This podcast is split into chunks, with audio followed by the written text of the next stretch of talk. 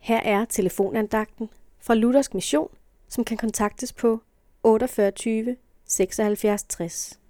Andagtholderen i dag er Peter Vest Jensen. I Johannes evangeliet kapitel 8, vers 12 siger Jesus, Jeg er verdens lys.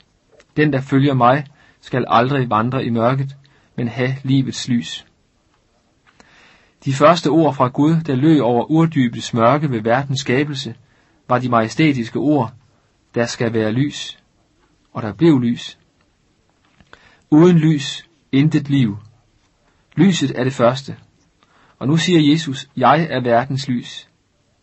Som lyset er betingelsen for alt liv i verden, sådan er Kristus den første i det nye liv, som han selv bringer med sig, og han er forudsætningen for det evige og det fuldkommende liv. Jesus er vort lys i en mørk verden. Han vil oplyse hvert menneske, som ærligt søger ham. Uden lyset ovenfra, uden lyset fra Guds ord, farer vi vild i alle livets store spørgsmål.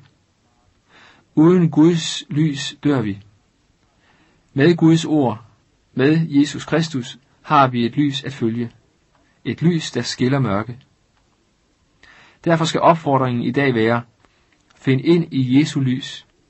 Han kommer til dig i det ord, han har talt. Bed ham om at komme og lyse for dig. Han, der er verdens lys, vil også være dit personlige lys. Han vil være lyset i dit mørke.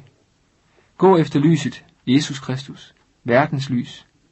Det er ikke sikkert, at du ser det store lys i Jesu ord i dag, men gå efter lyset alligevel.